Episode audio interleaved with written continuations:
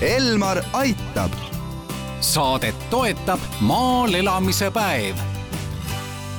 tere, head kuulajad, eetris on Elmar Aitab ja me räägime täna maal elamise võludest ja valudest. mina olen Ingela Virkus ja koos minuga on stuudios maal elamise päeva Otepää korraldusmeeskonna juht Ivika Nõgel, tere!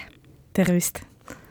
me räägime maal elamisest seetõttu, et järgmisel laupäeval toimub maal elamise päeva üritus, et mis üritus see täpsemalt on, mis on selle eesmärk?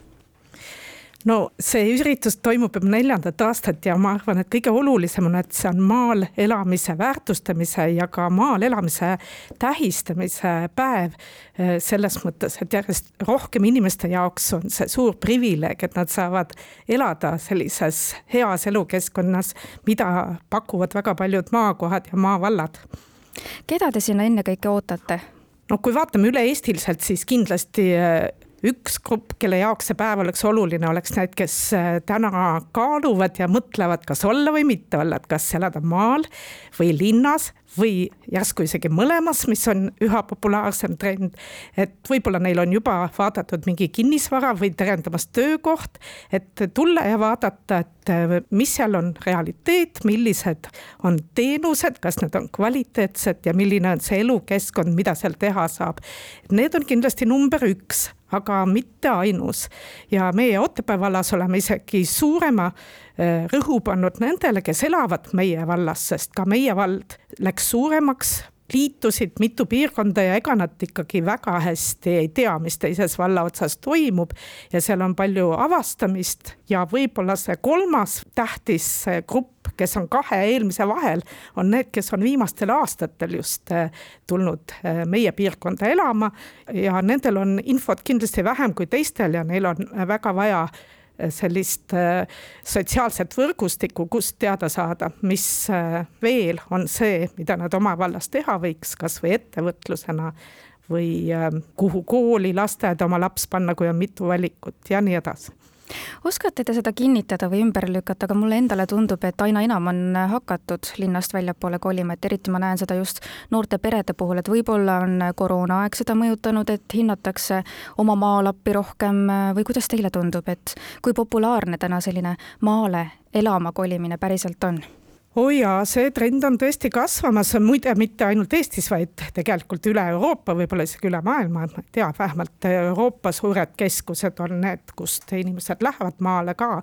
võib-olla see trend ikkagi natuke sai alguse aastast kaks tuhat kolmteist, kui oli selline maale elama kutsumise kampaania, millega ma ka toona seotud olin, aga kahtlemata koroonaperiood tekitas sellise hüppe õppe. nii et ka minu enda lapse lasteaias tehti üks rühm peale esimest koroonakevadet juurde ja täna ongi see seis, et ega me palju juurde kutsuda ei saa enne, kui me võib-olla ehitame uue lasteaia, sest lapsed lihtsalt enam ei mahu ära, sest maale liikuja on valdavalt noor pere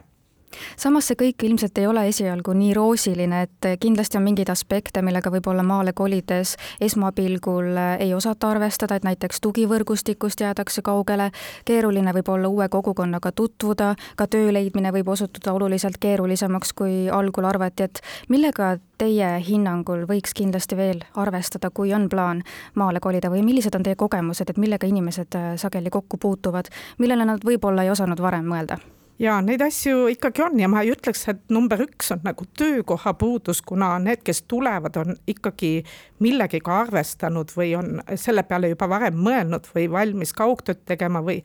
või ka ettevõtlusega tegelema ja pealegi, maapiirkondades on väga suur tööjõupuudus, nii et, et selline töökoha leidmine võib olla täiesti meeldiv üllatus aga kõige suurem just lastega peredele, kõige suuremaks väljakutseks on logistika. see, kuidas mu lapsed saavad neile sobivatesse äh, ringidesse ja võib-olla mitte kõige lähemasse kooli, vaid kuskil, kus on võib-olla natuke alternatiivsem äh, õppestiil ja nii edasi, et see, see logistika paikapanemine on suur väljakutse ja see on ka põhjus, miks osad pered on kas maalt lahkunud või siis äh, loonud endale kaks kodu, et koolis ja tööl käivad linnas ja nädalavahetused ja puhkused on maal, et äh, ma arvan, et siin on hästi palju tegelikult omavalitsustel ära teha, et äh, lapsed saaksid, kui nende vanemad on tööl, tegelikult õigetesse huviringidesse koolist koju, kooli, noh, selle tagab koolibuss, aga just äh, huvitegevusse, sest ilma huvitegevuseta ikka laps oma võimeid välja ei arenda no kõikidele nendele küsimustele, mis võivad siis kaasneda maale kolimisega, saabki ju vastuse kahekümne neljandal septembril toimuval maal elamise päeval, et nagu te ütlesite ka, see toimub neljandat korda. on teil mõni selline lugu või edulugu, mis on just alguse saanudki sellest üritusest? Seda nagu natuke raske välja tuua, kuna ka Otepää vald paar aastat ei osalenud, aga kõigepealt ma ütleks, et mida väga lahedat seal näha ja kuulda võib saada, et meil Otepää vallas tegelikult suurem osa programmi on kesklinnas, Lipu ja Keskväljakul ja seal on igale ühele midagi, on, on noortele on teadusteatrit, on minihäkaton,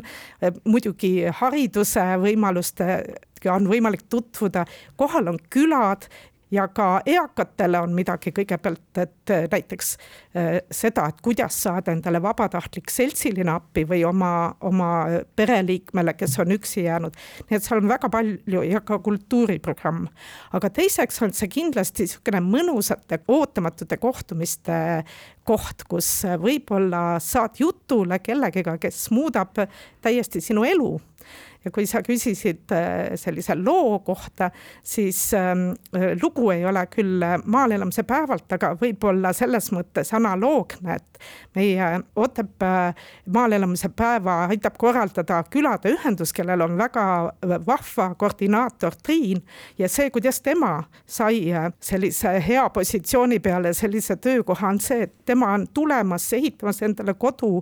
Otepää valda ja tulemas Tartu vallast ja meie saime kokku lihtsalt ujumiskohas paadisilla ääres ja hakkasime omavahel juttu ajama. selgus, et tema on uus elanik, selgus, et mina olen külavanem. ma rääkisin kõigest, mida lahedat äh, Otepää vallas toimub ja tänaseks on ta meil rakendatud äh, rohkem kui sajaprotsendiliselt, et sellised äh, lahedad ootamatud kohtumised on väga tähtsad meie elus ja maal elamise päev on üks koht, kus seda teha et eh, lisaks sellele, et eh, paljudes Eestimaa kohtades saab teada nende teenuste kohta, mis vallas on, on kindlasti mitmetes kohtades ja ka meil Otepääl sellised eh, väga vahvad külastuskohad, mida me nimetame külakiirteks. ehk need on elustiilitalud, kus pered ise näitavad, kuidas nad oma elutegevuse on lahendanud, kuidas nad elatist teenivad ja millised võimalused on seal vallas äh, väga kvaliteetset ja huvitavat elu elada. nii et äh, tulge ka Otepääle külastama külakiiri aitäh teile saatesse tulemast, äh, maal elamise päeva Otepää korraldusmeeskonna juht Ivika Nõgel ning palju jõudu ja jaksu teile! aitäh teile! Elmar aitab saadet toetab maal elamise päev